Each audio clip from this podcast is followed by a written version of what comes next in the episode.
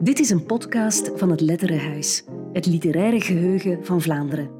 Elke laatste donderdag van de maand kun je onze literaire talkshow Stukken van Schrijvers bijwonen. We spreken dan met vier bijzondere gasten over schrijven, lezen, vertalen, acteren en bewaren. Je kunt de talkshows hier opnieuw beluisteren. Heel veel plezier.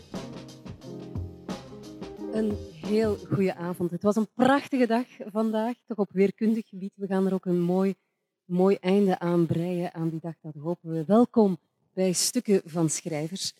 Vandaag met Yves Petrie. Hij is eh, filosoof, wiskundige, schrijver en vers van de pers is zijn roman De Geesten. En hij heeft het over één van de grootste Vlaamse schrijvers. Ellen van Pelt is psychologe en schrijfster en naar het schijnt danst ze ook uitstekend tango. Maar daarover gaan we het vanavond niet hebben. Uh, ze werkt aan een biografie van de Vlaamse schrijver en journalist Roger van de Velde. En is, uh, ja, dan is een archief als dit hier van het Letterenhuis natuurlijk een godsgeschenk. Dalia Pessemiers Benamar is uh, actrice, maar ze schrijft ook zelf. En in het archief van het Letterenhuis raakte ze gefascineerd door de originele handschriften van Paul van Ostaaien. Ludwig Lemaire is beeldend kunstenaar met een liefde voor literatuur en poëzie. En je kan trouwens, en je hebt het misschien gezien in de inkomhal, een hele kleine tentoonstelling zien van zijn schetsen en tekeningen voor Renga, Gehavende Stad. Dat is een graphic novel die hij in 2017 in samenwerking met een aantal dichters heeft gemaakt. Maar we beginnen dus vanavond met Ellen van Pelt en Yves Petrie. Mag een applaus.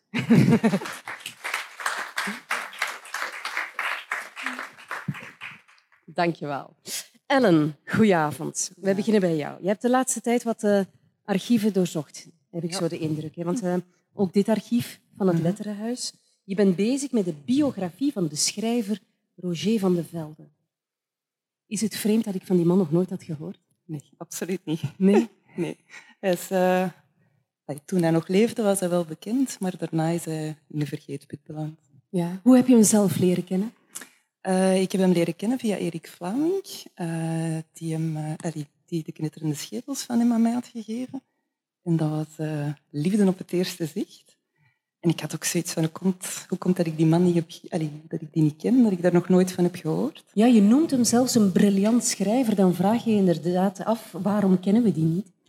Ik denk dat dat bij veel schrijvers gebeurt, dat die ja, langzaamaan vergeten worden. Vooral ook als het werk niet meer herdrukt wordt. Ja, kleine test. Yves Petrie, al van uh, Roger van de Velde gehoord?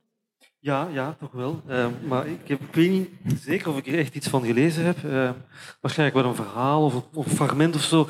Maar naar het schijnt in de literaire tijdschriften hoor ik net De Brakke Hond. Dat bestaat ook niet meer. Nee. Een tijdschrift dat ook niemand meer kent. Maar dan in 2000, in 2000 of zo moet er een nummer zijn verschenen gewijd aan hem. En dat nummer heb ik wel onder ogen gehad. Dus de naam was mij niet onbekend. Maar het was zo niet meteen een drang toen je dat las van ik moet daar een boek van lezen? Uh, nee, ik dacht ik ga eerst eens horen wat het Wat Ellen daarvan denkt. Ja. wel ja. Wie was Roger van de Velde? Uh, Roger van de Velde was uh, in eerste plaats een journalist.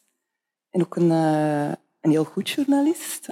want zijn stukken in de krant, hij werkte voor de Antwerpse De Nieuwe Gazet.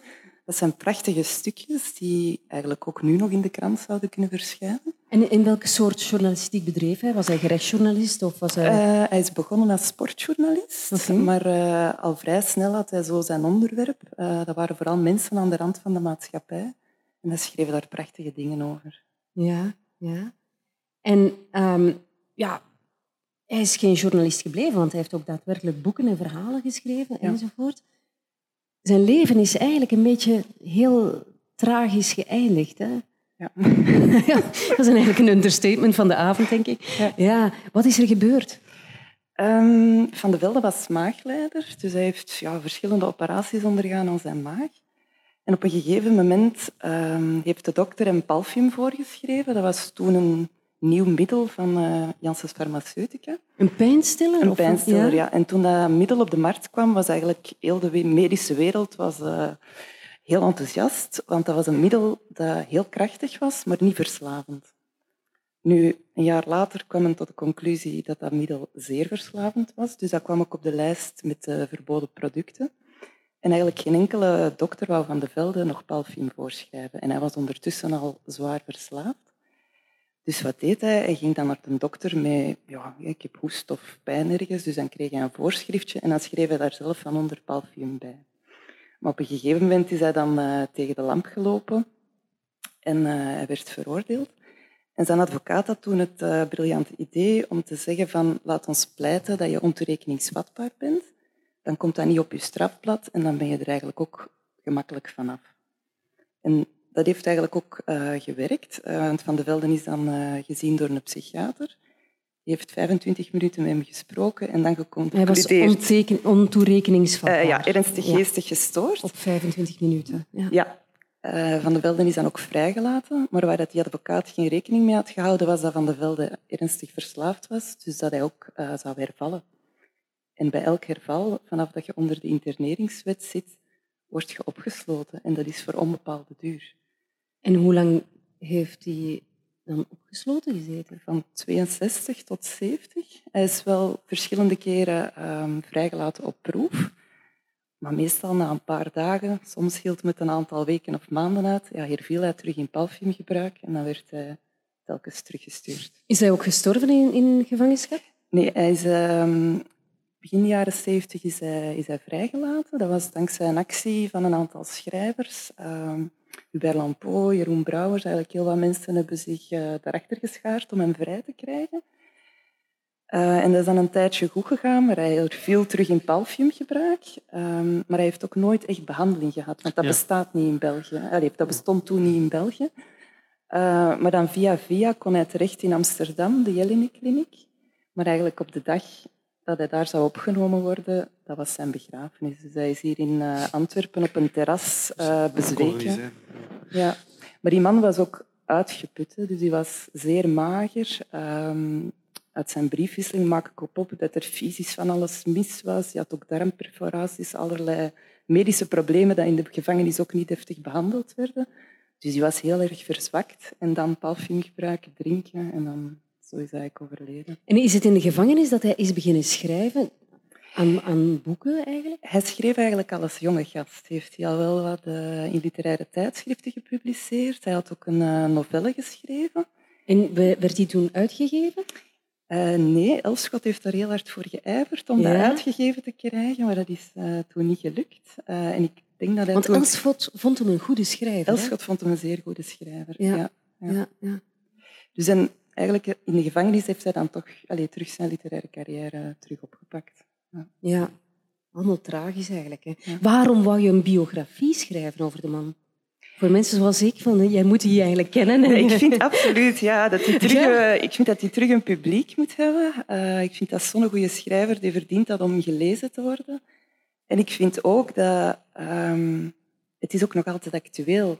Uh, er is al veel veranderd qua interneringen, maar er zitten nog altijd honderden mensen in middeleeuwse omstandigheden in gevangenis. En dan spreek land. jij weer als psycholoog. Ja, en dat vind ik schrijnend, dat dat nog altijd zo is. Ja. Uh, Yves Petrie, lees jij wel eens biografieën? Van schrijvers bedoel? Of in het algemeen? Uh, ja, van schrijvers eigenlijk niet zo. Die hebben vaak niet zo een interessant leven.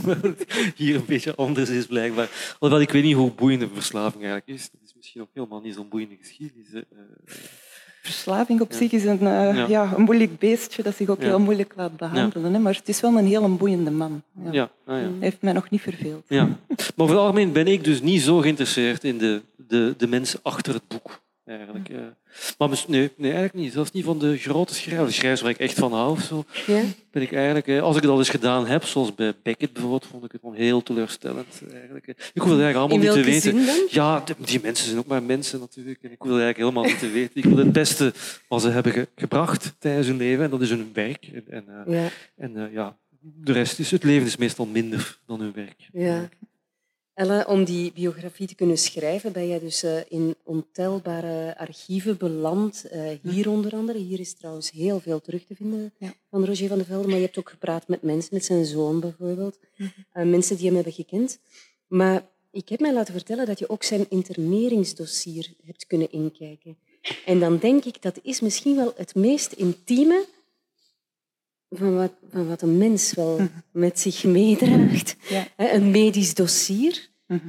Dat heb jij kunnen inkijken zonder dat je daar eigenlijk ja, bij betrokken was als psycholoog of wat mhm. dan ook. Hè? Ja, ik had ook niet gedacht, want dat is niet dat je dat... dat, dat is bewaard in het Rijksarchief in Beveren. Het is niet dat je daar gewoon kan binnenwandelen en daar vragen. Je moet dan uh, toestemming krijgen van de procureur des Konings. En ik had die brief geschreven, maar ik had eigenlijk verwacht dat, die, dat ik een nee ging krijgen, maar ik kreeg een ja.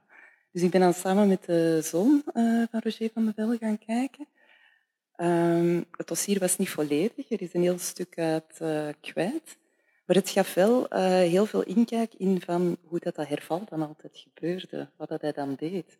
Ah, ja. Want vaak was het dat hij nog maar net buiten was of hij ging al op café en dan was het al terug vertrokken.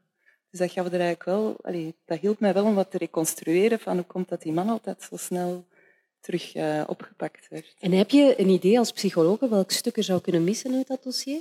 Het is gewoon tot de, de laatste jaren zijn verdwenen. Ah, het is echt een, tijds, ja. een ja. tijdsbestek. Uh, en het bevat ook de psychiatrische verslagen. Dus het uh, verslag op basis van wat de psychiater zei, dat hij ernstig geestig, geestesgestoord was. En dat is echt wel hallucinant, dat verslag. ik heb inderdaad zelf ook lang als psycholoog gewerkt, dus ik heb wel wat verslagen gelezen, ook heel veel slechte verslagen. Maar dit had ik nog nooit gezien. Dat is zo... Mag dat in de biografie komen, die informatie? Ik mag het, uh, ja? ik mag het niet geanonimiseerd verwerken. Dus, uh, maar dit is op basis van allez, zo die inktvlekkentest. Dus dat is ook een ah, ja. test waar dat de wetenschappelijkheid ja. heel erg betwistbaar van is. Op basis van een aantal antwoorden daarvan trekt hij dan zo vergaande conclusies. Uh... En wat primeert dan bij jou als je daarmee bezig bent? De psychologe of de schrijfster? Um, beide. Soms wissel ik wat tussen de, de, de twee. Ja. Het deed mij een beetje denken, Yves, aan uh, jouw boek De Maagd Marino, waarvoor jij trouwens de, de Librisprijs hebt uh, gekregen. Uh, voor de mensen die niet weten waarover het gaat, het is gebaseerd op een waar gebeurd drama. Hè. Het is een, ik heb het artikel toen in de krant gelezen. Ja. Misschien kan jij vertellen waarover het gaat. Hè? Ja, veel mensen zullen het zich nog herinneren. Het was ja. wel iets dat indruk maakte toen en niet snel vergeten werd. Je verzint het zelf niet, hè, zoiets? Nee, dus een man, ja, de kandidaat, eh, een man uh, bood zich aan uh, via, via internet is dat gegaan, geloof ik. Kan dat toen al? Het begin van de 21e eeuw bood een man zich aan um, als slachtoffer voor uh, cannibalisme. Wil iemand mij opeten? was eigenlijk het zoekertje dat hij had gezet ergens. En een andere man zegt, ja, ik wil dat wel doen. En toen is dus de ene man in Duitsland is de man van Berlijn naar ergens Rottenburg, ergens in centraal Duitsland, uh, gereden, om zich daar dan op te sluiten samen met de kannibaal in diens huis. Het huis waar, zijn, waar hij met zijn moeder altijd had gewoond, die was een tijdje daarvoor overleden.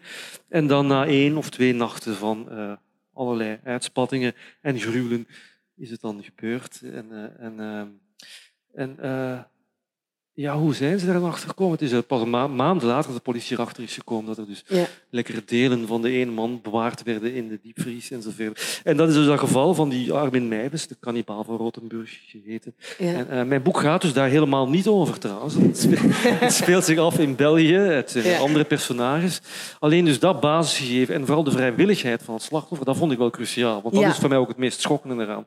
Cannibalisme is iets dat je wel vaker hoort. Ja. Um, uh, maar wat mij deed denken aan, aan dit verhaal is ook dat jij eigenlijk ook psycholoog wordt. Hè? Want je maakt eigenlijk een stuk... Mm.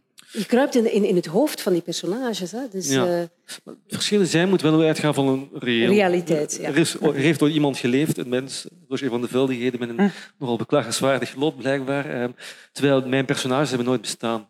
Ik creëer ze. Ik leef me niet in het hoofd van die moordenaar toen. Het is ook een heel ander verhaal. Behalve dus de heel basale feiten heb ik ook niks opgezocht of overgenomen uit het, wat er echt is gebeurd. Ja. Uh, ik, gewoon, ik wou het als het ware gewoon zelf thuis eens proberen. Maar ga je dan... op, op, een literair verbale manier dan. Ja, ja. En uh, ja, dat was de bedoeling. Maar ga je dan ook op zoek uh, in, in de wetenschappelijke literatuur naar pathologieën of naar psychologische dingen? Uh, nee. Nee? Nee. Nee, maar mijn verhaal het, het is ook semi-fantastisch eigenlijk. Want ja. de, het slachtoffer, het zogenaamde slachtoffer, leeft eigenlijk nog. Het zogenaamde slachtoffer leeft in het hoofd van de dader, van de kannibaal. En dicteert het hele verhaal, zijn verhaal, ook het verhaal van de kannibaal zelf, aan de kannibaal, die het enigszins tegen zijn zin na zijn arrestatie en, en opsluiting uh, in de gevangenis dus, moet opschrijven. Ja. Um, dus ja, het is een, een literair boek. Het gaat, het, gaat, ja. het gaat de grenzen van het psychologisch realisme nogal te buiten eigenlijk. Ja. Dus, Dus het is zeker geen, geen niet louter psychologie nee. Maar Ja. in, in elk geval binnenkort eh, in herdruk in de winkel. Ja. het ligt binnenkort Ja, de mid-price editie. Dus De mid-price editie, kijk eens aan. Zeer goedkoop. Fantastisch. Het staat op mijn zomerleeslijst, alleszins. Ellen van Pelt, hoe anders is het om een, een, een biografie te schrijven ja, dan wel een verhalen of een roman? Totaal anders. Ja? Ja, ik, dit is ook de enige keer dat ik het eh, ga doen, heb ik besloten. Waarom? Heb je er al spijt van? Ik heb er geen spijt van, maar het is inderdaad een heel ander proces. Als ik ehm, fictie schrijf, kan ik zelf creëren, dingen verzinnen. En nu gaat dat helemaal niet. Nee, je moet heel feitelijk blijven. Ja, de eerste bladzijde dat ging tergend traag, omdat ik heel een tijd had van oh ja, ik moet dat checken, ik mag dat niet zomaar schrijven. En dat is zo'n eh, een klik dat je moet maken en dat is eh, best vermoeiend in het begin. Ja. Het is ook heel moeilijk om dat een beetje levendig te brengen. Zo mijn eerste teksten dat waren zo van die wetenschappelijke verslagen over zijn leven. Dat was helemaal niet aangenaam om te lezen. En dat moet het ook zijn, natuurlijk. Dat is wel de bedoeling, dat het Ja. een literaire biografie wordt. Ja. Ja, ja. Nu, in het letterenhuis, we hebben het even opgezocht, vind je 194 brieven van hem, eh, waaronder een aantal aan zijn moeder ook, eh, en 163 brieven aan hem geschreven. Dat is wel heel veel informatie hè, die hier te Ik ben hier eh, lang zoet geweest. Ja. Het zal wel zijn. Je hebt er een fragment uitgehaald, je hebt er Ja. meegebracht. Wil je eens even voorlezen? Ja. Eh, het is een brief aan eh, Jeroen Brouwers, die hij in februari 1970 schreef, dus een aantal maanden voor zijn dood. En het is een brief waarin dat hij aan Brouwers uitlegt hoe dat hij is beginnen schrijven. Het was steenkoud in die cel, want er zat zelfs geen vensterglas voor het getraliede raam. En mijn zwakke maag lag als een gekneden bal in mijn lijf. Enkele uren voordien had ik de middagsoep kotsend in de pot met excrementen gegoten en de kettingroker die ik ben, beschikte over geen gram tabak. Ik beschikte over een nutteloos doosje lucifers, een even nutteloze kam, enkele bladzijden gelijnd briefpapier, vijf omslagen, een schrijfstift en twee postzegels. Maar geen gram tabak. Ik was ziek van fysi- fy- fysieke en psychische ellende en ik vreesde dat ik niet alleen nog zieker, maar wellicht ook echt gek zou worden. Ik durfde niet eens doordenken op de krankzinnige situatie dat ik met het vooruitzicht van minstens zes maanden opsluiting in die cel zat omdat ik enkele pijnstillende pilletjes had geslikt. Romantici zouden allicht denken dat de genade van de literaire muze over mij vaardig is geworden op dat heilloze moment. Maar dat is natuurlijk Lari. Het prozaïsche en wel- wellicht ontluisterende feit is dat ik in radeloos verzet tegen de sluipende wanhoop absoluut iets met mijn handen en mijn geest wilde doen, hoe of wat dan ook. Daarom heb ik bijna automatisch de schrijfstift en de gelijnde briefvellen genomen en met een deken over mijn schouders ben ik begonnen aan het eerste verhaal van het boek dat in diezelfde rotcel zou uitgroeien tot galgenaas. Dat verhaal heette Vrouwen. In het boek werd het later ingelast als nummer zes of zeven, maar het was het eerste verhaal dat ik schreef. En ook dat leek waanzin, want tot dan toe had ik nooit een voet gezet in de tuin van de letteren. Ik had geen enkele relatie in literaire kringen. Ik kende niet eens het adres van een uitgever die enige belangstelling zou kunnen hebben voor mijn geschrijf. En bovendien leek het praktisch onmogelijk dat geschrijf uit de gevangenis te smokkelen. Achteraf is dat smokkelen er toch van gekomen, maar dat is een andere historie. Ja. Dat is eh, de oorsprong van, van, van- de basis eigenlijk van zijn schrijven. Ja. Dat hij vertelt aan Jeroen Brouwers. Ja. Wat vind je nu zo fascinerend aan die man? Wel, ik vind, want op zich voor Roger van de Velde is eigenlijk geen biografie nodig. Dat, dat werk dat staat op zich. Je kan dat perfect lezen zonder dat je zijn verhaal moet kennen. Die verhalen zijn af, die zijn ook echt prachtig. Maar ik vind wel dat zijn verhaal verteld moet worden, om, omdat, het nog altijd, eh, omdat het nog altijd gebeurt hier in België, in een Hij modern schrijft land. ook heel verhalend. Hè? Want je, je kan Ja. je zo voorstellen hoe hij daar zit, hè, in die Ja. cel. Ja. Ja. Ja. Ja, en, ik, en hij heeft, ehm, want zijn debuut Galgenaas, ehm, dat gaat eigenlijk, ja, dat zijn observaties van medegevangenen, Ehm, maar dat is geen eh, typische gevangenislectuur of zo. Allee, ik denk, moest ik ooit in de gevangenis belanden, ik, ik zou waarschijnlijk ook schrijven om te overleven, maar ik zou niet veel verder geraken dan het beschrijven van mijn eigen ellende, denk ik. Allee, dat zou geen literatuur zijn. En bij hem is dat wel. Ja. Dus dat is, ehm, ja, ik vind dat heel bijzonder. Wanneer moet de biografie af zijn?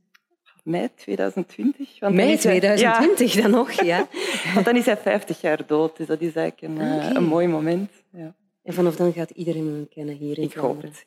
Ja. Oké, veel succes. Dank je wel. Goed, eh Yves Petrie, de geesten. Je hebt net eh, een boek uit.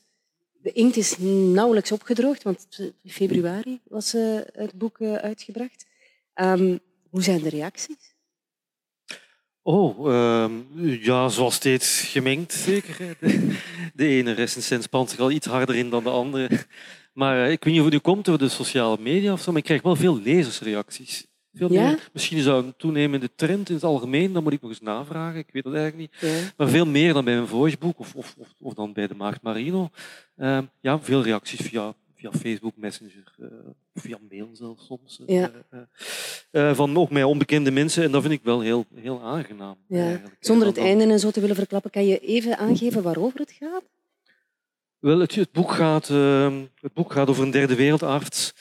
Die, eh, het boek begint lang voor hij derde wereldarts is. Als hij pas, pas is afgestudeerd, een vriendin heeft, een zeer moeilijke relatie met die vriendin heeft. En dan op een moment beslist van een oude jongensdroom waar te maken. Namelijk derde wereldarts worden, worden bij, de, bij de organisatie Dokters Zonder Kleur. En, ehm, en ja, Dokter zonder kleur. en eh, ook om, om dan ook zijn vriendin te bewijzen dat hij wel toch iets meer mans is dan zij van hem schijnt te denken. En dan gaat het dus naar Afrika. Eh, de relatie valt, ja, eh, eh, wordt beëindigd, min of meer. Zijn vriendin is niet zo overtuigd van zijn flinkheid. Ehm, en dan op zijn laatste missie, en dat is dan de tweede helft van het boek ongeveer, komt hij aan in Kambilonga, waar hij een aantal mensen leert kennen en waar ook een paar dingen gebeuren waardoor zijn idealisme in een heel, waardoor zichzelf en zijn idealistische zelf in een heel ander licht gaat zien. En dan komt hij hals over kop terug naar België. eh, en daarmee begint het boek, met zijn hals over kop terugkeer naar België, dat er daar in Afrika iets gruwelijk is gebeurd. Dat eh, ja, pas op het einde wordt verteld. Cliffhanger op het einde. Ja. Ehm, Petrie schrijft als een jonge, zelfverzekerde god. Schrijft trouw. Ja, ja. Dat schreven ze, 15 jaar geleden schreven ze dat. Ja, Ja, die jongen, Ja. Is, is, eh, die jongen is niet meer zo waar. Maar zelfverzekerd en een god als u wilt. maar laat dat nu net zijn wat jij als twintigjarige...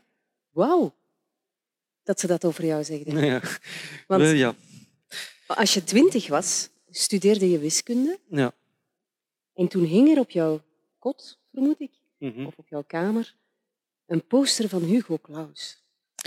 Ja, ja die, die, die foto maakte deel uit van een affiche. Een affiche ehm, voor een of andere toneeluitvoering. Ik weet niet meer welk. Ik vermoed iets van jonge Klaus. Dat weet ik niet meer. Maar dat hing dus inderdaad op mijn kot. Daar, hing niet veel. Daar hing dit. En er hing ook een, ook een, een, een tekening, een gravure van Beethoven. Oké. Ja.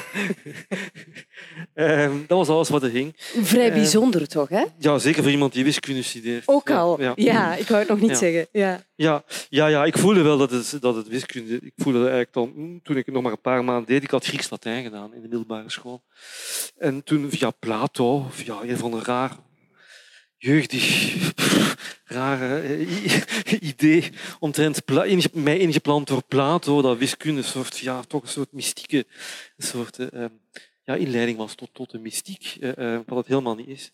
Eh, maar Heb je na vier jaar dan na een paar ontdekt? maanden. Nee, Ah, ik heb nee. Het, nee, ik heb alleen mijn, wat nu de bachelor heet afgemaakt. Na een paar maanden had ik door dat dat niet was. Dat ik eigenlijk toch voor iets anders gemaakt was. Of mij toch tot iets anders geroepen voelde. En daar stond dan, ja, Hugo Claus dan symbool voor. Ik weet zelfs niet of hij mijn favoriete schrijver was, maar, maar hij was wel de enige Vlaamse schrijver die zoveel glitter en glamour uitstraalde op dat moment. We praten nu over halfweg de jaren tachtig. En eh, daarom hing hij daar. Oké. Bizar. Heb jij veel eh, van Klaus gelezen, Ellen? Niet veel. Ehm, ik heb wel het eh, Verdriet van België gelezen, waar ik Hm. heel fier op ben. Uitgelezen? En uitgelezen, Uitgelezen. in stukken, maar uitgelezen. Maar dat- ik vind wel de, Het jaar van de kreeft, dat vind ik een prachtig boek. Dat heb ik al een paar keer gelezen. Ja. ja. Klaus heeft natuurlijk veel geschreven, gedichten en, en, en romans en zo. Wat is jouw favoriete werk? Wel, eh, ja, het gaat heel vreemd klinken, maar ik vind eh, Klaus in twee genres echt bijna altijd goed, namelijk poëzie en interviews. Ja. Ook, eh, Ah, interviews. interviews. Ja, hij is zeer goed in interviews. Mijn eerste kennismaking met Klaus was trouwens een interview met tussen hem, van, hem, nee, met hem door Hugo Kamps in het Belang van Limburg. We lazen daar in het vierde middelbaar in de les Nederlands, met een hele vooruitstrevende leraar Nederlands die we daar toen hadden. En ehm, ja, voilà. dus toen viel de man mij al op als zijnde, ja, toch wel een persoonlijkheid. Zo. Ja. En maar hebben we- Klaus in we het middelbaar wat- loopt vaak fout. Hè? Ik heb zo'n Ja, kleine wel. enquête gedaan vandaag nog. Veel hangt bij- af van de leraar. Hoor. Ja, Ja. maar vaak wordt het boek inderdaad weggelegd, zoals bij jou. Hè? Je hebt het Verdriet van België twee keer dan moeten lezen. Of, of nee? Nu, ik heb dat gewoon in stukken gelezen. Omdat Ah, dat oké. zo... Ja, ja. We lazen dan met je leraar ook nog poëzie Klaus. En, en, en zeker op die leeftijd vond ik zoiets als de Oostakkerse gedichten Mhm. toch fantastisch. Ik denk dat het nu nog misschien altijd is, maar ik heb het al lang niet meer bekeken. Eigenlijk. Nu, daarin is hij bijna altijd goed, lijkt mij. ja. In, En de romans, Klaus? in romans is het wisselvalliger. Ja. Klaus was voor jou dan een beetje het symbool voor een hele grote, goede, beroemde schrijver, als ik het goed heb. Vooral voor de roem van het schrijverschap. Ja, ik moet zeggen, hij was niet mijn favoriete schrijver. Of, of, ja, hij kan wel wat, hoor. Ik bedoel, Maar ik denk toch niet dat hij nu bij mijn top 10 hoort. Of zo. Dat nu niet. Maar hij stond wel voor de roem van het schrijverschap. Ja, Klaus was vrij ongenaakbaar. Hè? Ik heb die ooit meegemaakt op een receptie en toen ging het volk als de Rode Zee uiteen als Klaus binnenkwam geschreven. Dat ligt misschien aan het volk. Daar kan die arme, daar kan die arme Hugo Ja, maar die had toch wel zoiets Hij wilde dat misschien helemaal niet. Inderdaad, Ja. die zat op een hoge troon Ja. als schrijver. Dat was wat jij wou. Ehm, nee, maar zo kwam het bij mij ook niet over. Dat was het nu eigenlijk niet. Het was gewoon eh, eh, het feit, ja, het avontuurlijke leven dat hij leidde toen hij dus die leeftijd Jij wou had. Sylvia Christel. Ik wou, ik wou misschien wel graag wat vrijer leven dan ik toen leefde. Zeker toen ik wiskunde studeerde. Ja, Ik, ik droomde misschien wel van een wat liederlijker en vrijer leven. Maar later heb ik ook ingezien dat Klaus ontzettend veel geluk heeft gehad. 16 zijn in 1945. Ja, dat moet hemels zijn. Heel de wereld is net ingestort. Alle volwassenen zijn min of meer, zeker in zijn omgeving, in discrediet gebracht. Alle mannen zijn ontmand. Alle vrouwen zijn eigenlijk eh, halve hoeren geworden. Eh, het is een heerlijke wereld om 16 te zijn. Niemand heeft eigenlijk echt nog gezag. Je kunt de wereld als het ware helemaal zelf opnieuw opbouwen volgens je eigen premissen. Dat is wat Klaus voluit heeft gedaan. Dat is eigenlijk een romantische gedachte. Dat, ik denk dat dat echt waar is. Ik denk dat een man ook geluk heeft gehad dat hij 16 was in 1945. Ik zou... Ja, enfin, ja, is niet. Anders was ik ook dood geweest nu. Dus, dus ik kan het... Ja. Je hebt het al even aangehaald hè, toen, toen je zei ik heb heel veel reacties gekregen via sociale media van lezers op een boek. Ehm, Klaus had het moeilijk hè, met, met recensies en met reacties, zeker als die niet in zijn voordeel eh, speelden. En ik was even op jouw Facebook aan het kijken eh, deze week en ik zag dat jij aan je, je lezers vroeg van help mij, want er komt een tweede boek in druk. Staan er eventueel nog taalfouten in? Corrigeer ze. Laat ze mij weten. Ik vond dit zo, eh, hoe moet ik nu zeggen, eh, toegankelijk Hmm. als auteur naar de lezers. Dat is Ja. ik, vond dat, ik vond dat heel speciaal. Oh ja. Ehm, nu, de toon was ook niet help mij. Nee, nee, nee. nee, nee, nee, Dat was, eigenlijk niet de toon. De toon was eerder van er komt een herdruk, eh, er kunnen misschien toch taalfouten in staan. Eh, ik heb geen zin om het allemaal zelf nog eens Ah, dit was het te eigenlijk. gaan bekijken. Ik heb er al genoeg aan gewerkt. Eh, als jullie iets hebben opgemerkt, laat het mij weten, omdat er waren daarvoor al een paar opmerkingen geweest. Ja, zo'n boek, voor het wordt uitgegeven, dat, wordt toch taal- heel vaak gelezen. Hè? Ja, ja ik, ik lees het zelf heel vaak. En dan, zijn, en dan de, En dan de eindredactie, mensen- de corrector en dat allemaal. Ja. Ja. En toch zijn er nog dingen die, eh, waar blijkbaar iedereen overheen leest. Of, of dingen die niemand schijnt te weten. Eh, eh, en, Zoals? zoals ehm, ja, een, een, een drie puntjes aan het einde van de zin. De afbrekingsteken of onderbrekingsteken, hoe wordt dat nu genoemd? Ik ben het al vergeten. Ik weet er eigenlijk dus niet veel van, blijkbaar. Moet losstaan van het laatste woord van de zin. Dus na het laatste woord van de zin komt een spatie, dan drie puntjes en dan... ehm, ja, dus, dat is echt een taalregel. Voilà. Niemand, ik kende hem niet. eh, niemand op de Daar uitgeverij. vallen mensen niemand, over. daarvoor zat ik twintig jaar bij bezig bij. Ook daar scheen niemand dat ooit gezien te hebben. Eh, niemand wist dat. En toch staat zwart op wit ergens. Ergens. Ja. En dan heb jij zo'n zo'n schrijver of schrijfster waar jij naar opkijkt, waar jij een poster van op je kamer zou van hangen? Ik ben helemaal geen postermens. Nee, maar stel nu. Hè? Stel nu, ik heb, ik heb eigenlijk wel één foto eh, hangen van Alejandro Zambra, maar dat is vooral omdat ik dat visueel een mooie foto vind. Ja. Zo tegen een heel donkere achtergrond dat hij een sigaret aan het roken is en zo diep aan het nadenken. Een kunstige foto. Ja. Ja. Maar niet iemand waarvan je zegt van dat is mijn Hugo Claus was. ja. Hm, Brouwers is dan wel een beetje mijn Hugo Claus, denk ik. Ja. Ja. Ja, maar ik heb er geen posters van. Er staan ook denk ik niet zo mooie foto's van Jeroen Brouwers. Ik weet het niet. Nu, twintig jaar geleden uh, debuteerde je, Yves, hè, um, met het jaar van de man. Natuurlijk evolueert een mens in twintig jaar. Ja. In welke zin ben jij een andere schrijver geworden? Ja, van de man is trouwens nog te koop, zie ik uh, hier. ja, dat is, dat, dat, ik heb het zelf al heel lang niet meer gezien. Er ligt hier nog één exemplaar. Ja, het is voor de rappen. Het is voor de rappen, ja. Het is, het is dan ook aan midprijsprijs, blijkbaar. Uh, wat er veranderd is, ja, veel natuurlijk. Ja, van de man heb ik geschreven toen ik... Uh, is uitgekomen toen ik 32 was, dus tussen 30 en 32 zo is dat geschreven. Ja, dus zoals eigenlijk debuut, veel, rechts, veel meer autobiografisch, uh, veel geïnspireerd ook. Ik bedoel, ik bedoel hyper geïnspireerd, minder beheerst. Zo. Bedoel, elke vondst komt erin. Uh, je, je, geeft alles, je etaleert alles wat je kunt, elke mogelijke virtuositeit. Niks, wordt, niks wordt geschrapt. Eigenlijk. En nu is less more? Niet noodzakelijk, Nee? maar te veel is wel te veel. Ja, ja. Trouw is te veel. Als we dan toch, iets, toch een gevleugeld woord moeten gebruiken. Ja. Ehm, ehm, ehm, dus dit wordt nu beheerster. Ja. Nu wordt de stijl ook ondergeschikt gemaakt aan de inhoud. Zo, stijl dient om iets uit te drukken, om de, de gesteldheid van een personage weer te geven. En die gesteldheden zijn nu... Ja, vroeger ging het gewoon, zeker in mijn debuut, over mij. Zo was ik toen. Een nogal opgewonden standje eigenlijk. En, eh, en, en nu is dat anders. En nu geef ik mijn, laat ik mijn personages ook, ook veel eh, ernstige verschillen van mij. En de stijl moet in dienst staan van hun, van wat zij willen uitdrukken, van, van wie zij zijn. Ja. Herken je dat een beetje, Anne? Mm, Nee, mijn debuut was niet zo autobiografisch of zo. Ja. Ik ben sowieso een enorme schrapper. Oké. Ja. Ik reduceer tot een derde van wat ik heb meestal. Ja. En kan jij al zeggen van vroeger deed ik dat anders dan nu? Ik sta nog eh, Ja, aan het begin. dat is waar. Ja. Ja. ja. Oké, goed. Ehm, een zelfverzekerde jonge god, hè, zegt de trouw toch? Hè? Ja, Over jou? Als je nu terugkijkt naar die student van twintig, hè, met jouw grote adoratie voor Klaus, die ambitie om auteur te worden, dan overtreft de realiteit toch die droom. Ja. ja, de realiteit overtreft elke droom. Dat is zo. De realiteit is keihard en oppermachtig en elke droom eh, springt er op stuk. Dat is zo. Ja. Ja. Nee, het is, het is eh, voor jou echt een reality check geweest. Auteur zijn is niet... Schrijverschap heeft niet de roem of brengt niet de glimmer met zich mee die, die ik had gedacht. Nee, we leven ook in andere tijden dan Klaus geleefd heeft. Natuurlijk. Literatuur heeft een andere plaats gekregen. Schrijvers horen zich anders te gedragen. Alles staat ook veel meer eh, eh, wel één op één, heel direct eh, in functie van het, het, het, ja, de echte verkoopcijfers. Zo.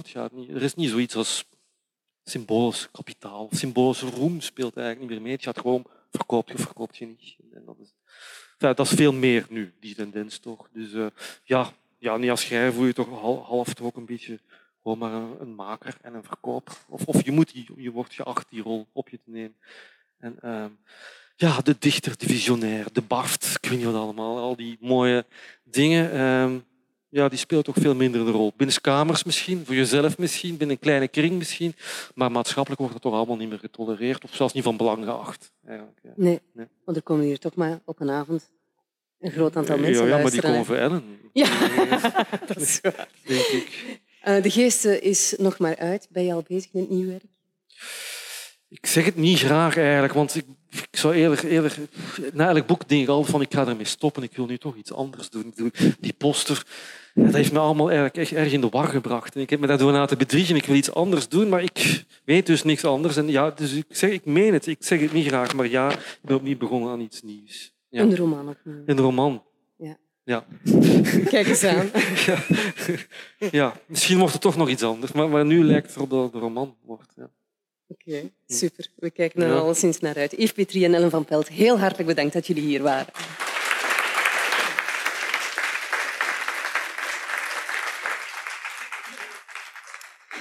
En dan is het nu aan beeldend kunstenaar Ludwig Lemaire en actrice Dalia Pessemiers Benamar.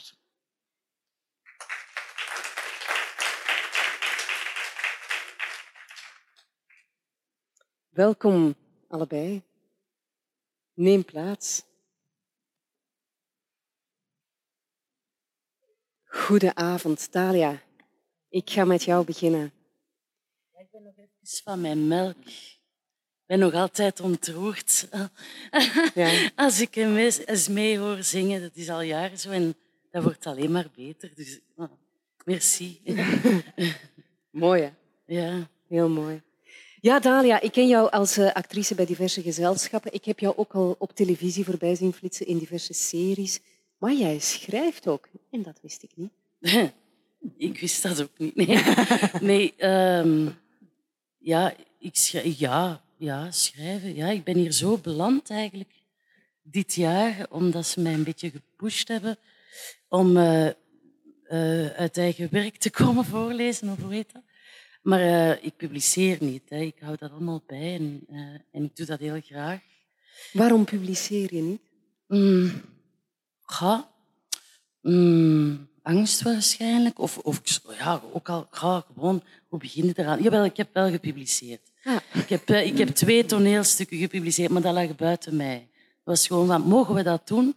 Ja, ja. Ja. voilà. Dus je bent er niet zelf mee naar... Nee, nee, nee. nee. Ik vind dat moeilijk, nee. zo'n stap. Ja. Ja, ja. Jij kwam hier naar het Letterenhuis, Mhm. op vraag van het Letterenhuis. ja. En eh, jij eh, bent in het archief gedoken en Paul van Ostaaien trok meteen jouw aandacht. ja, Wat precies? Veel, hè. Ik heb... ehm, hmm, ik denk dat Paul van Ostaaien... Goh, ik ben sowieso geen romanlezer. of eh, ik lees vooral eh, poëzie. Dat, dat, boeit mij het meeste. Eh, omdat dat ook veel dichter bij de muziek aan leunt. En ik kan dat herlezen en kan dat wegleggen en terugpakken. Dus dat is... eh, sowieso heb ik daar een voorliefde voor.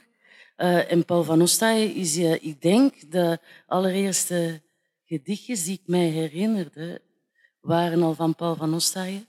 Ehm, en die komt elke keer weer terug op mijn pad. En ehm, goh, ik mocht dan mee de, het archief in. En op een of andere rare, bijzondere manier lag daar het archief van Paul van Ostaaien al gereed op tafel. Ik dacht van, oh ja, maar dat klopt helemaal. Want als er nu één iemand is eh, waar dat ik naar zou gaan zoeken hier, is het wel hem. Ja. Ja. Wat heeft Paul van Ostaaien jou geleerd? Geleerd. Wat bedoel je met geleerd? Ja, wat, wat, wat, wat sprak hem zo in je aan? Wat, wat, waarom Paul van Ostaaien Ehm, en niet ja. Hugo Claus? Oh ja, Hugo Claus ook, hè. maar, maar eh, zijn gedichten dan. Maar Paul van Ostaaien vooral, wat ik heel fijn vind en, en wat ik, waar dat ik mezelf een beetje in herken of zo, dat is ook zo iemand die, die puzzelt en eh, legt verschillende stukjes bij, bij elkaar. En, enfin, hoe dat ik zelf dan tot iets of wat eh, schrijven kom, ehm, is ook door, daar, daar is er zoiets opgeschreven en daar en dan ginder. En, en dat dan uiteindelijk durven bij elkaar rapen. Wel, ik voel dat ook bij mij, gaat ook alle kanten op. Dat vind ik ook heel fijn. Ik, ik heb het nogal voor mensen die, ehm, die van alles durven uitproberen en blijven experimenteren en zoeken. Maar als je het ja, ik, ik hou ook van. van eh, ja, ik las dat eens ergens van, van hem, dat hij ook zei van een dichter is niet zozeer iemand die ehm, de moeilijke verzen aan elkaar reikt. Nee, dat is een, een verzameling van gedachten. Het is een taalspel, het is spelen met woorden. Het is Ja, en dat doet hij ook letterlijk en ook zelfs beeldend op papier Absoluut, hè, ja. met zijn typografie. En ik heb hier nu toevallig, heel toevallig, een beeldend kunstenaar naast mij zitten. Wat, wat vind jij daarvan, van iemand die zo schrijft? Ja, je hebt me daarnet die vraag ook gesteld en ik ehm, vind het eigenlijk heel gewoon. Ik ga daar bijna niet anders naar. Ik vind het ook een logische vorm om zo te schrijven. Dat is natuurlijk, het, ehm, trekt wel aan, maar ik, ehm, ik vind het niet bijzonder in feite. Ik vind zoveel zaken die we op een andere weg tegenkomen of minder courant zijn, daar wordt altijd een beetje vreemd naar gekeken, maar ik, ik zit misschien heel raar in elkaar, maar ik, ik vind dat dan een gewone manier om, om die woorden zo in beeld te brengen. Ja, ja.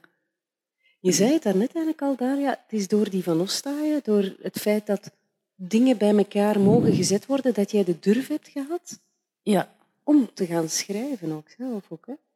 Ja, ik ben iemand die, ehm, die weinig weggooi. Ja, ik, ik gooi heel veel weg, maar, maar wat er op papier staat of zo, dingetjes die mensen mij geschreven ik hou dat allemaal bij. En ik heb ook dingen teruggevonden van mezelf van acht, negen jaar, zo allemaal boekjes en knipseltjes en plakseltjes. Uiteindelijk, ik, ik durf dat nooit schrijven. Het is door eh, een vriend die, die ondertussen overleden is, uh, die op zijn sterfbed aan mij gevraagd heeft om, om, om daar nu eindelijk eens uh, mee naar buiten te komen. Um, heb ik dat ook gedaan. En dan ben ik echt alles bij elkaar. Maar ja, ook een beetje zo. Hè. Dus echt gaan plakken en knippen. Um, ja, en daar dan verder. En durven weggooien en terug herbeginnen. En um, dat vind ik eigenlijk het fijnste werk. Uh, wegkrabben en terug iets anders ja, erover maken. Ja, ja. Je vertelde mij dat je ook een tijd met jongeren hebt gewerkt. Jongeren die vaak uh, van oorsprong anderstalig waren, die hier zijn uh, beland. En daar werkte jij ook met Paul van Ostaaien. Wat dachten die daarbij als zij zoiets zagen? Ja, maar het ging niet zozeer over zoiets. Maar dat was hetgene waarvan ik dacht van... Oké, er zijn heel veel... Niet alleen met jongeren, maar ook met dansers. Uh, uh, mensen uit de hip-hopwereld, uh, slam poetry. dan denk ik van... Oh ja, kies dan maar iets dat, dat heel dicht bij hun ligt. om daarmee te beginnen.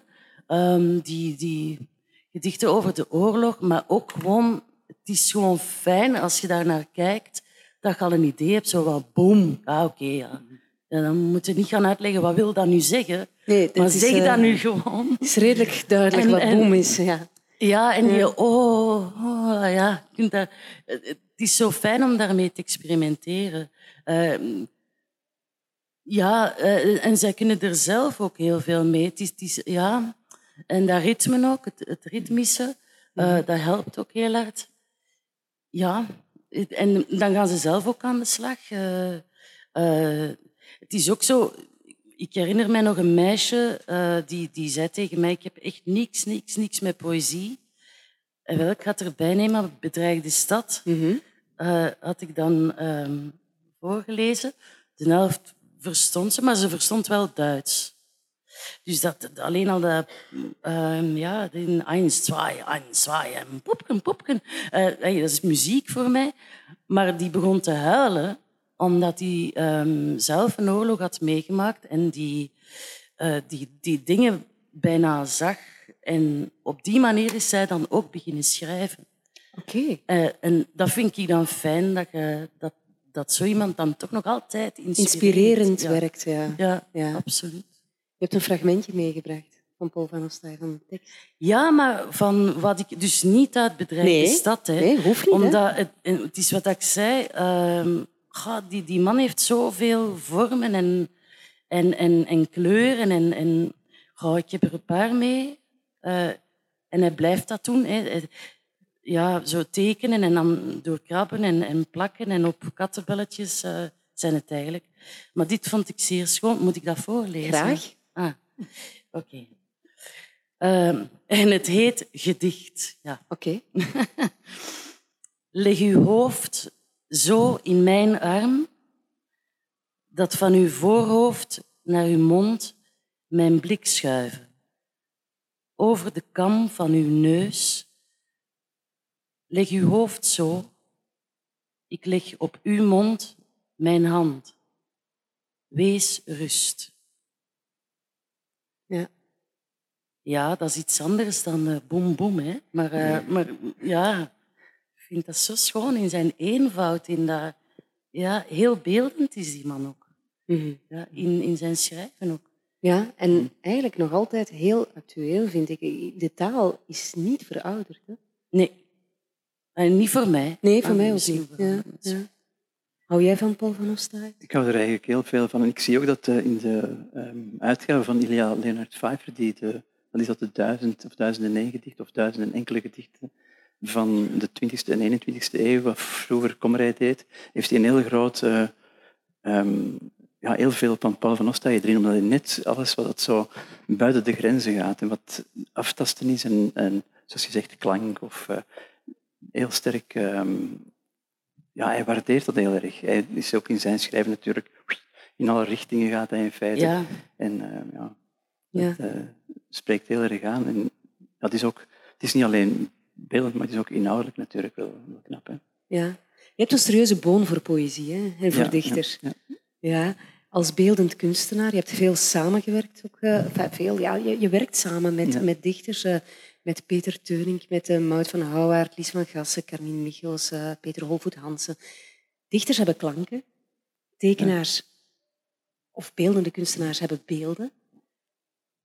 Is het een vergelijkbare discipline of is het echt iets totaal anders? Ehm, wel, ik, ik schrijf niet, maar daarnet dat we in de coulissen het even met Ellen van Pilt erover en zij zegt, omdat ik weet als ik ehm, in mijn atelier ben, meestal ben ik met iets bezig en ga ik daarop verder. En, en ja, het is ook wel bricoleren en, en, en herscheuren en, en weet ik veel. Maar als ik het even niet weet, dan begin ik gewoon met ehm, een beetje te schikken en met eh, verf te nemen en kleurtjes te zetten. En daar, uit het, daar groeit iets uit. Als je niks hebt, komt niks uit. En blijkbaar zegt zij ook, ja, ik schrijf veel, ik, ik schrijf, schrijf en, en schrap. En het is uit het doen dat de dingen ontstaan. Dus, maar ik kan het niet echt zeggen, omdat ik niet schrijf natuurlijk. Maar, eh, Nee, maar je hebt wel een voeling met, Ja, met, met het was ook een fantastisch project natuurlijk, omdat je als beeldende kunstenaar niet opgesloten bent in het atelier, maar echt met, met de mensen kunt samenwerken.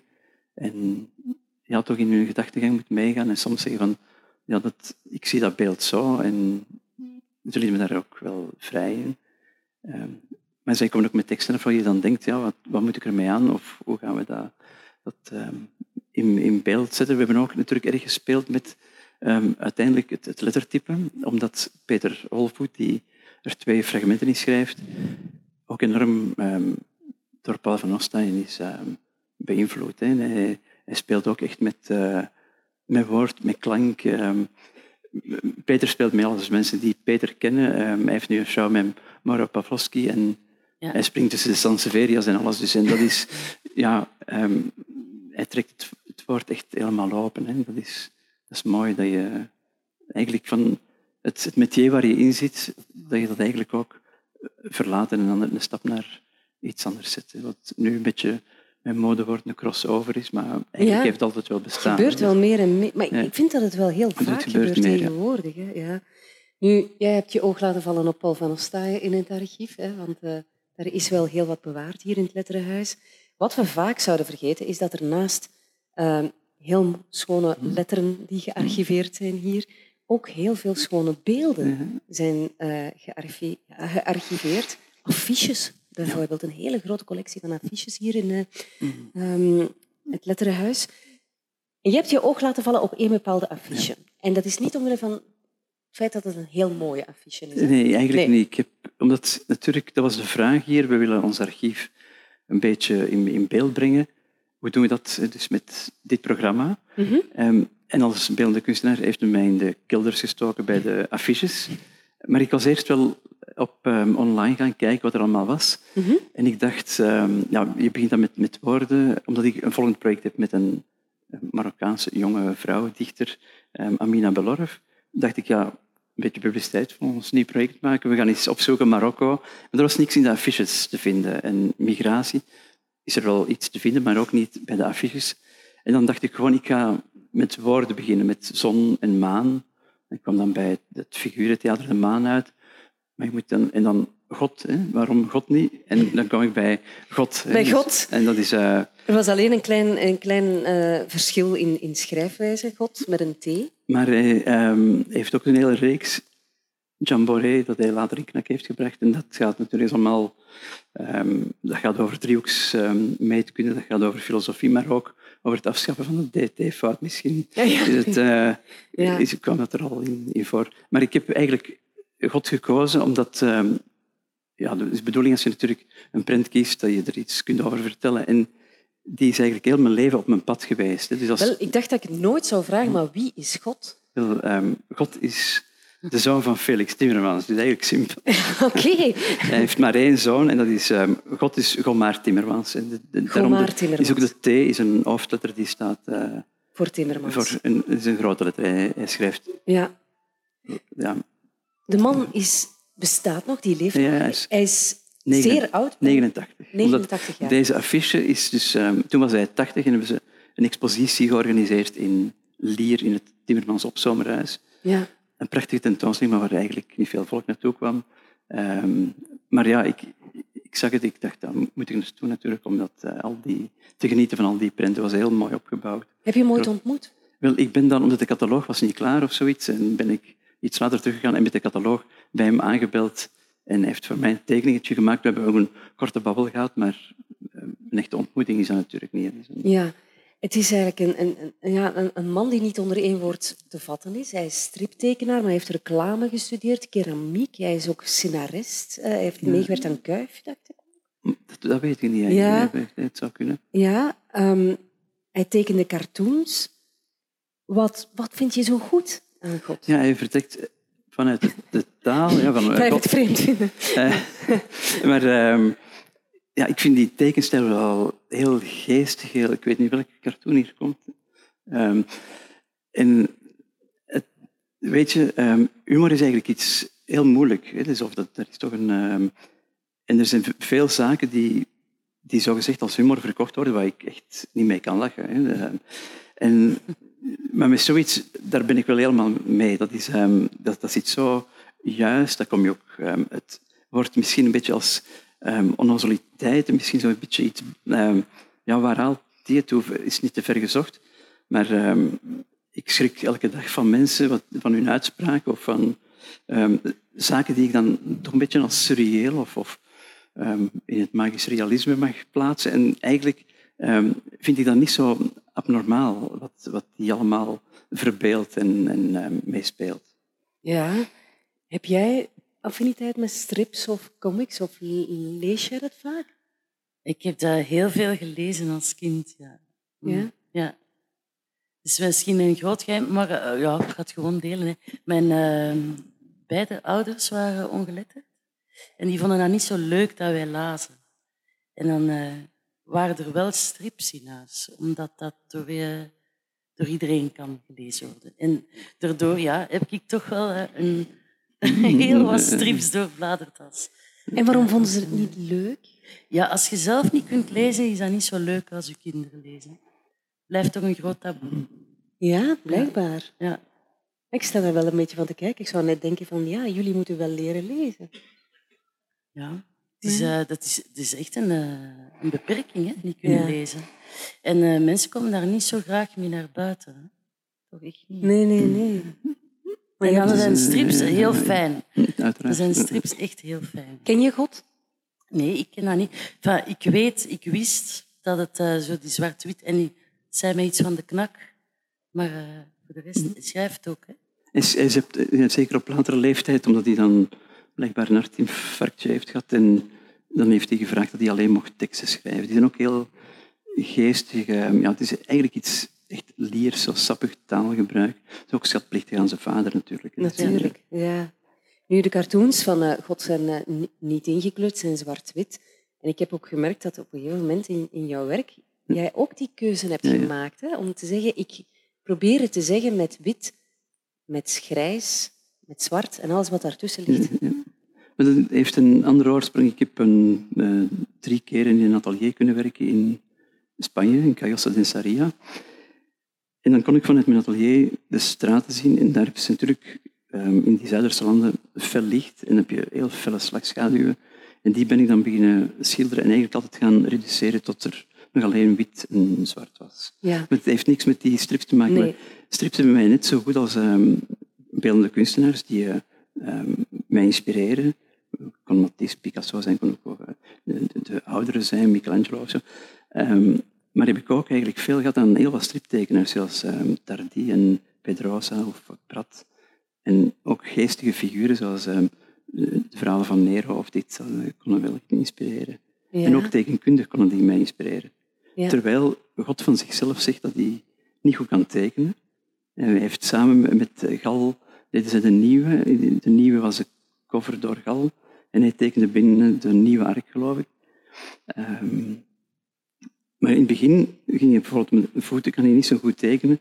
Ging hij gewoon, stonden onze mensen in, in het gras constant. Hè. Dus hij heeft dat dan Om een beetje verbergen dat hij zijn ja, ja, voeten ja, niet goed kon Dus, tekenen. eh, ja, ja, ja. ja. Dus, eh, Is dat voor jou de essentie? Het, het, het, het ba de basis van tekenen? Wat... eigenlijk kun je, is dat ook moeilijk. Wat is goede tekenkunst? Is dat een, uh, soms, en nu, daar ben ik wel heel erg tegen. Je hebt dus een, dat heeft iets te maken met, uh, ja, ik vind een beetje een. Zo, sommige kunstenaars, beeldende kunstenaars, die heel bewust laten zien hoe slecht dat ze tekenen of hoe slecht dat ze een, foto moet dan een beetje um, scheef gekadreerd zijn en, en vloe en, en, onscherp en weet ik veel. Um, daar is natuurlijk goed werk in ook, in, in die zaken, maar het, het, is een beetje goedkoop. Ik, ik vind het, um, ben dan blij dat ze in de beeldende kunst zitten.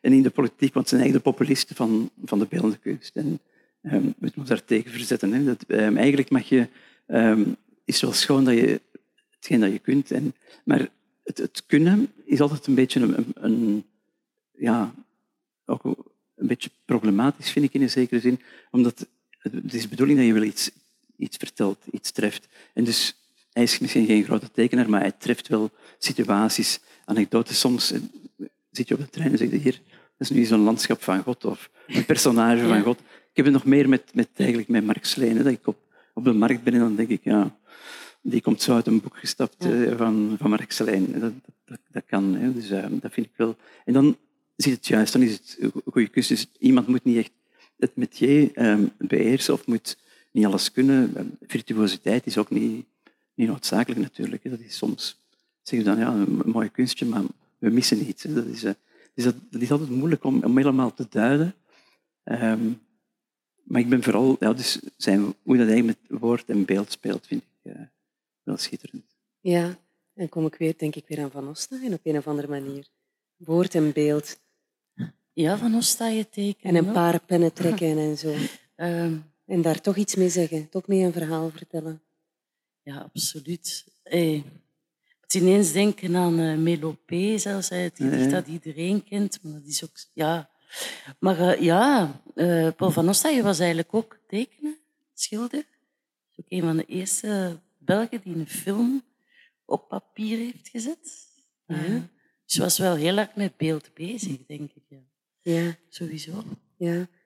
Ik had het net over die zwart-wit tinten, nee. waar jij ineens uh, een, een, een, periode nee. echt heel hard mee bezig was. En maar het werk dat hier van jou vandaag wordt uh, tentoongesteld, dat, uh, is, het komt uit de graphic novel Ringja. Mm. Daar gebruik je wel kleur. Hè? Ja. Dat is nodig om dat verhaal te vertellen.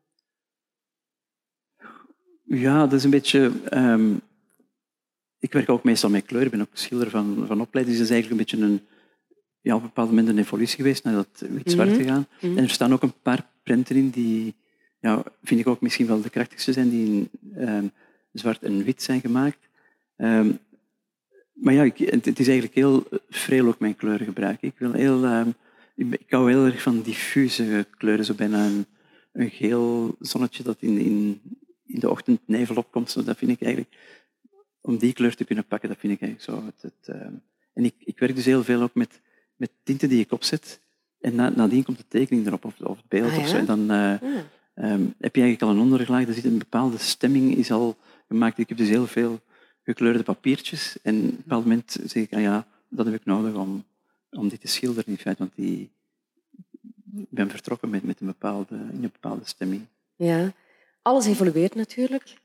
Het stripverhaal dat is er nog altijd, maar er is nu ook die graphic novel. Ja, ja. Ik ben niet zo thuis in het genre. Waarin verschilt dat nu eigenlijk dan? Op, met een stripverhaal? Ja, op bepaalde momenten zullen ze ook dicht bij elkaar liggen.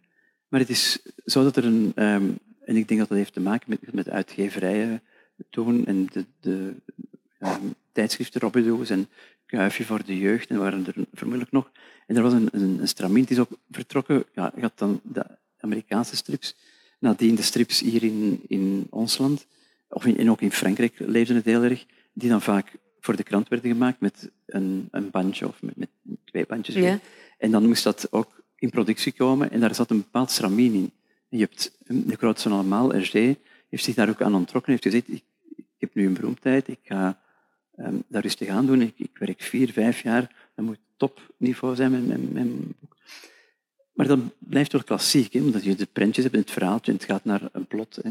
En de graphic novel is eigenlijk de volledige vrijheid die een... Het is, ontstaat meestal vanuit tekenaars. Het kan ook een samenwerking zijn. Maar meestal is het tekenaar die aan de basis ligt en die gewoon soms met foto's wilt werken, met, met uh, tekenen, met collage. En die formaten, dat kunnen klein zijn, dat kan groot zijn. Dus die, die wil die vrijheid. En dat is natuurlijk allemaal duurder om uit te geven. Soms zijn dat heel dikke uh, boeken die je krijgt. Is, ik denk dat het, want soms kan het ook nog zo'n graphic novel, omdat die wat mooier is uitgegeven of zo, maar toch sterk bij het strip aan doen. En er zijn natuurlijk striptekenaars die ook um, beter werk leveren als graphic novels. Het kan soms een beetje precies het pretentieuzere broertje van de strip.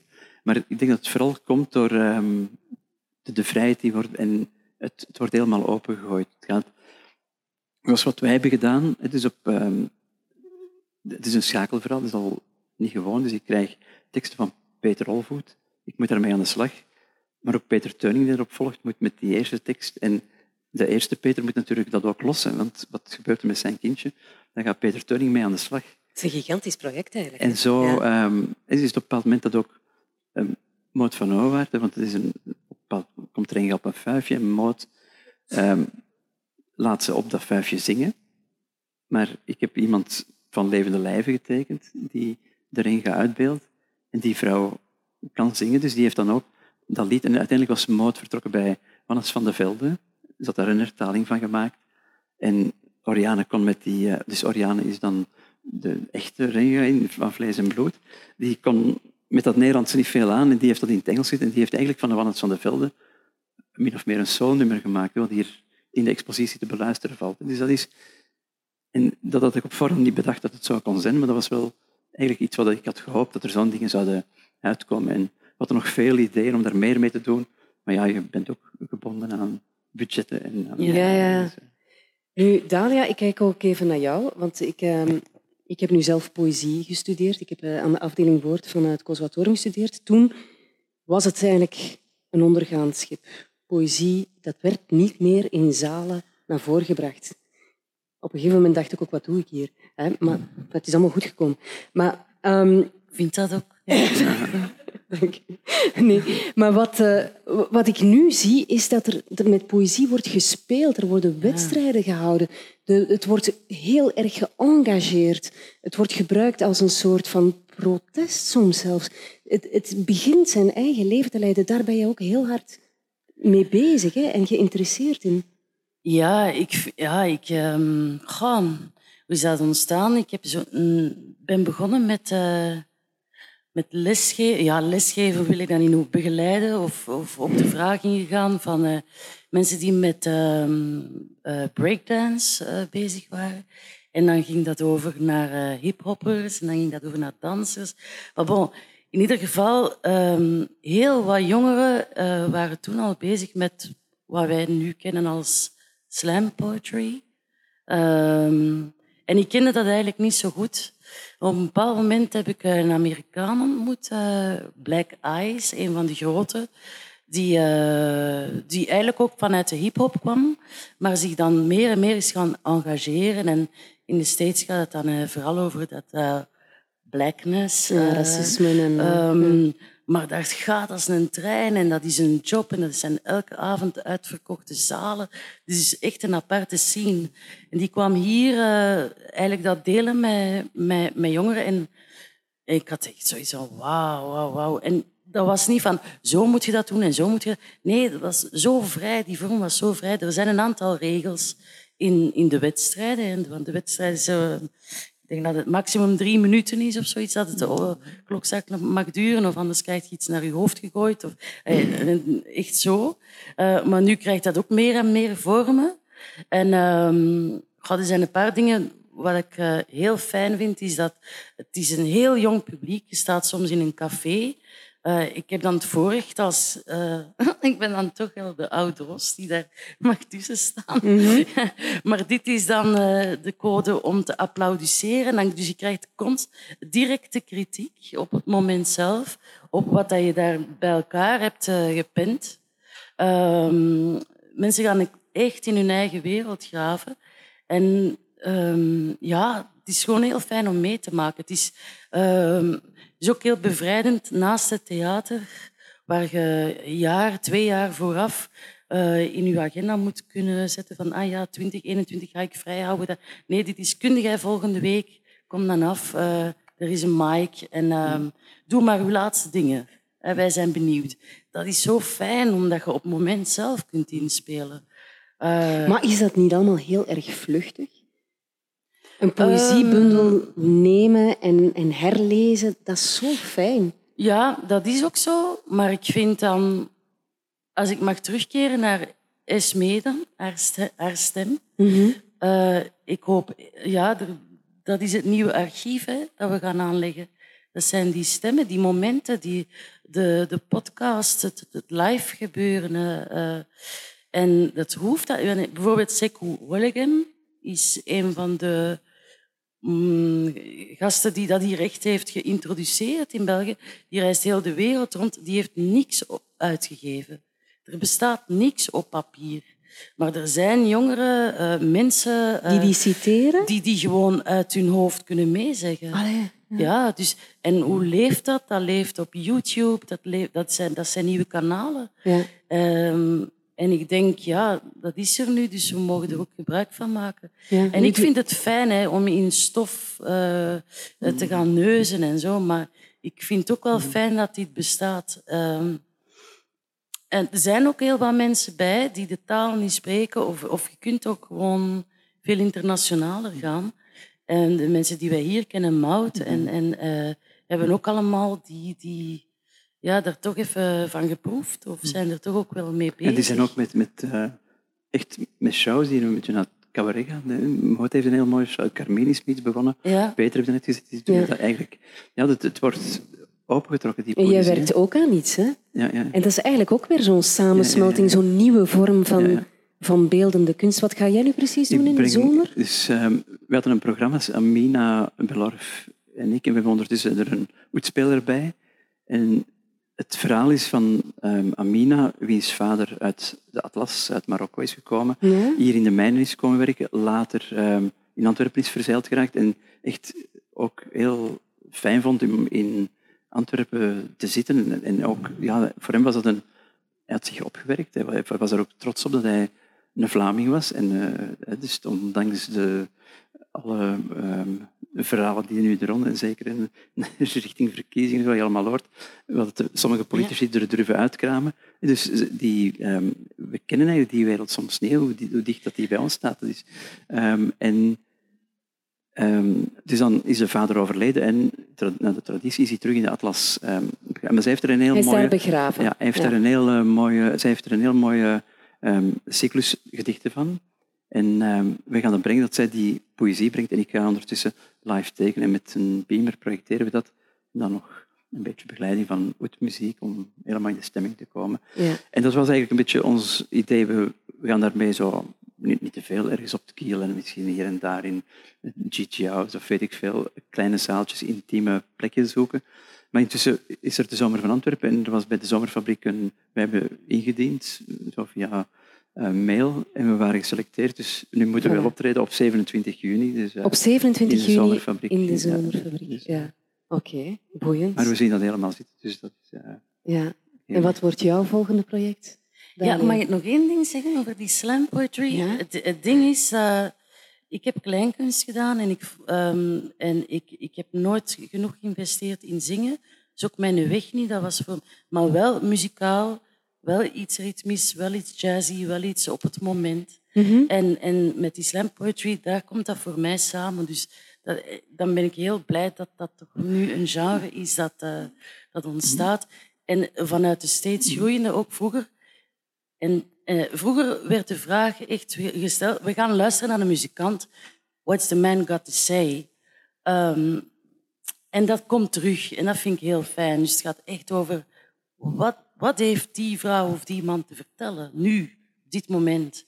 En niet, hoe zit dat in elkaar? En, uh, ja. Was van stijl of vorm of nee? Ja, Helemaal niet. Toch jawel, wel? jawel, ja. jawel, ja. jawel. Dus ik vind dat, ik vind dat wel fijn. Ja. Okay wat ik kan maken? Dat was uw vraag. Hè? Um, ik, ik, uh, ik, speel morgen nog één, één, keer, denk ik, met de Amnestie uh, van Action Zo Humain. En in september, oktober ga ik een voorstelling maken, een jeugdvoorstelling, uh, in het paleis, met Action Zo Humain ook. Uh, ik heb gevraagd aan Rachid Alamrabit om te schrijven. Ehm, en het zal gaan over de Hia. Ehm, Hia is een, uh, een Berberse koningin. Hè. Ik heb een beetje dezelfde roots zoals Amina. Ehm, die heel lang gestreden heeft tegen de, tegen de islamisering hè, in, de, in de Maghreb. En um, trek die lijn door naar nu. Uh, en ook naar uh, protesten, activisten, activisme enzovoort enzovoort. Maar ik trek naar de moeder van wat is het als u, uh, uw dochter ineens activist wordt en die begint linken te leggen. En mm. kijk maar naar Anuna de Wever. Ik denk dat dat niet zo simpel is om daar mama van te zijn, want op één week tijd zit je met een gigantisch personage in je, in uw huis uh, aan de eetkamer, met doodsbedreigingen. En dat wordt allemaal heel groot, heel snel. En wat, wat doet je daarmee? Plus ook de link leggen naar wat er nu gebeurt in de Maghreb en uh, met de Berbers en de taal. En, het, en dat is voor september in het dat paleis? Is voor, ja, september repeteert dus ergens oktober. Ja. Oké, okay, goed. Dankjewel voor jullie komst. Ludwig Lemaire en Dalia Pessemiers Benamar. Dankjewel. Merci.